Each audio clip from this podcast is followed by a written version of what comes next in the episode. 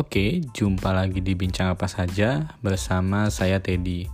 Dan kali ini saya mau bahas soal partai politik peserta pemilu tahun 2024. Di tanggal 14 Desember 2022, Komisi Pemilihan Umum Republik Indonesia sudah menetapkan partai politik dan juga sudah menetapkan nomor urut partai politik peserta pemilu 2024 dan hasilnya ada 17 partai politik dan belakangan Partai Umat juga ditetapkan sebagai partai politik peserta pemilu 2024. Jadi hari ini kita sudah memiliki 18 partai politik peserta pemilu tahun 2024.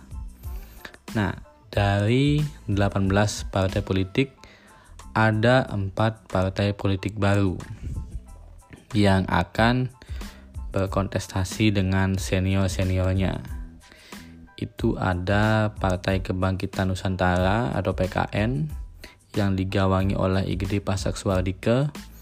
Kemudian ada Partai Gelombang Rakyat yang digawangi oleh Anies Mata kemudian ada Partai Buruh dan Partai Umat besutan dari Amin Rais.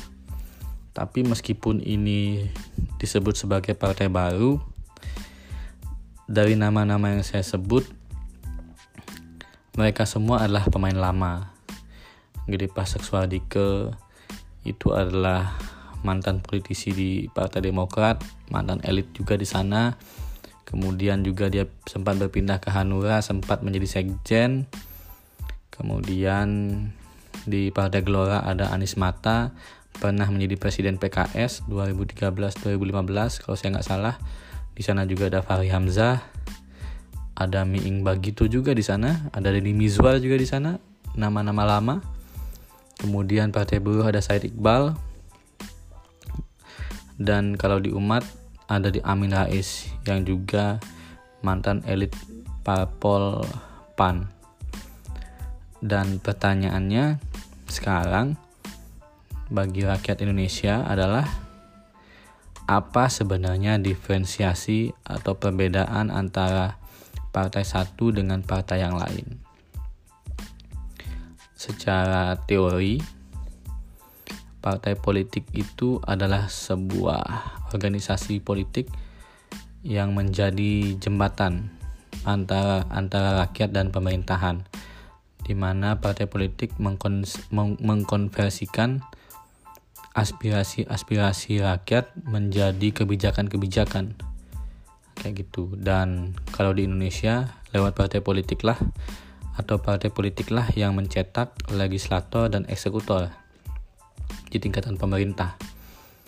Dan hal yang menjadi pembeda antara satu partai dengan partai yang lain adalah ideologinya. Nah, persoalannya hari ini bahwa partai politik di Indonesia meskipun memiliki ideologi tapi nyatanya sangat sulit bagi kita untuk membedakan ciri partai politik satu dengan partai politik lain.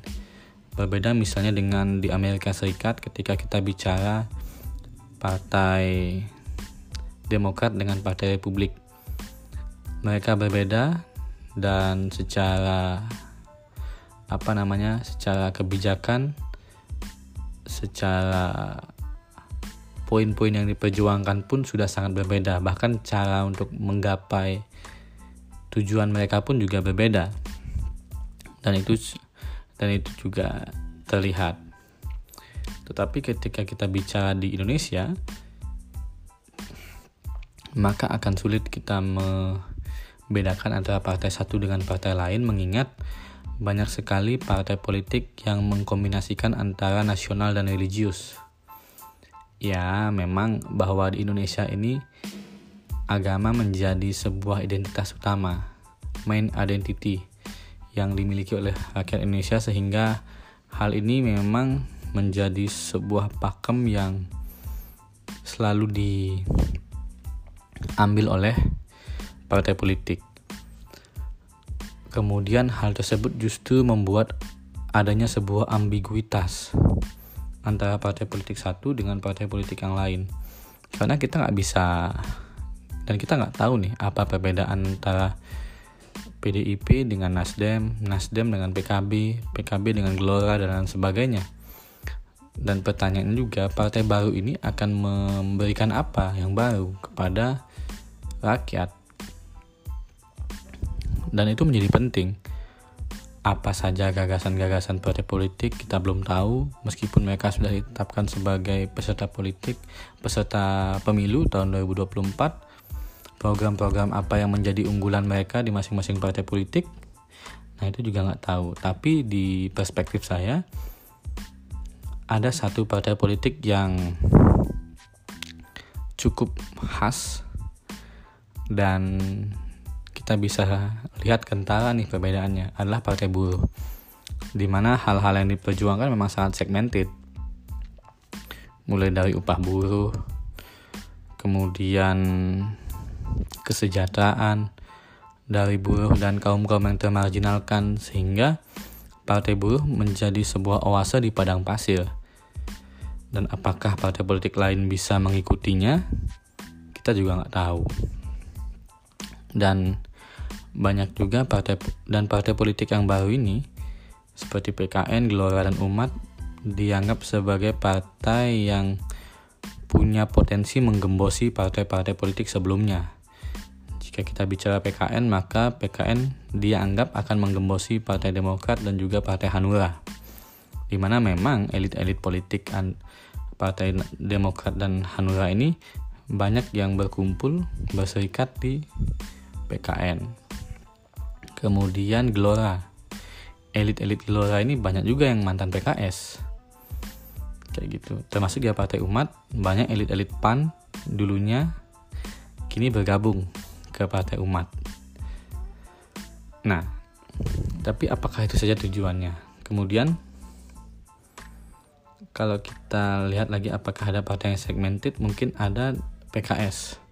PKS ceruknya Islam banget, tetapi belakangan ia mulai membuka diri dengan merebranding diri lewat logo dan juga warna itu mulai milenial banget bahkan di beberapa media-media nasional PKS juga membranding diri bahwa dia membuka diri kepada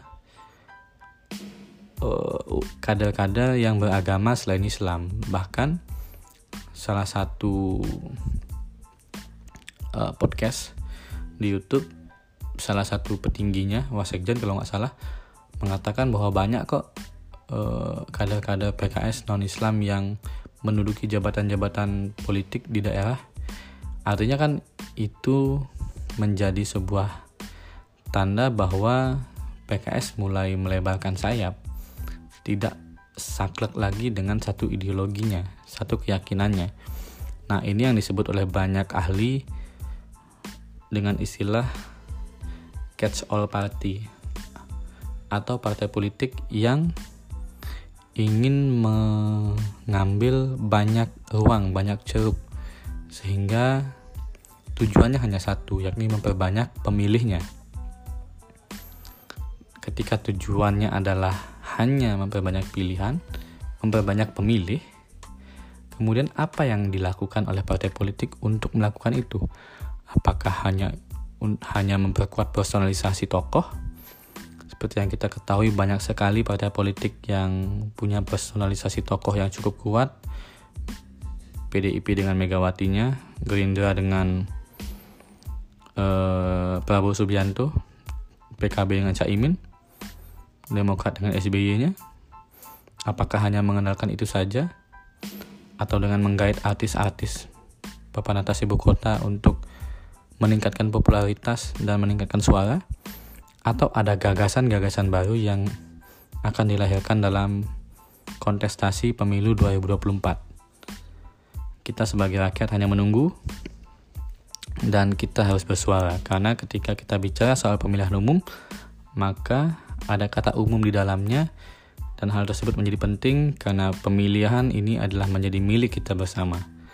Jadi jangan berdiam diri, ikut berpartisipasi.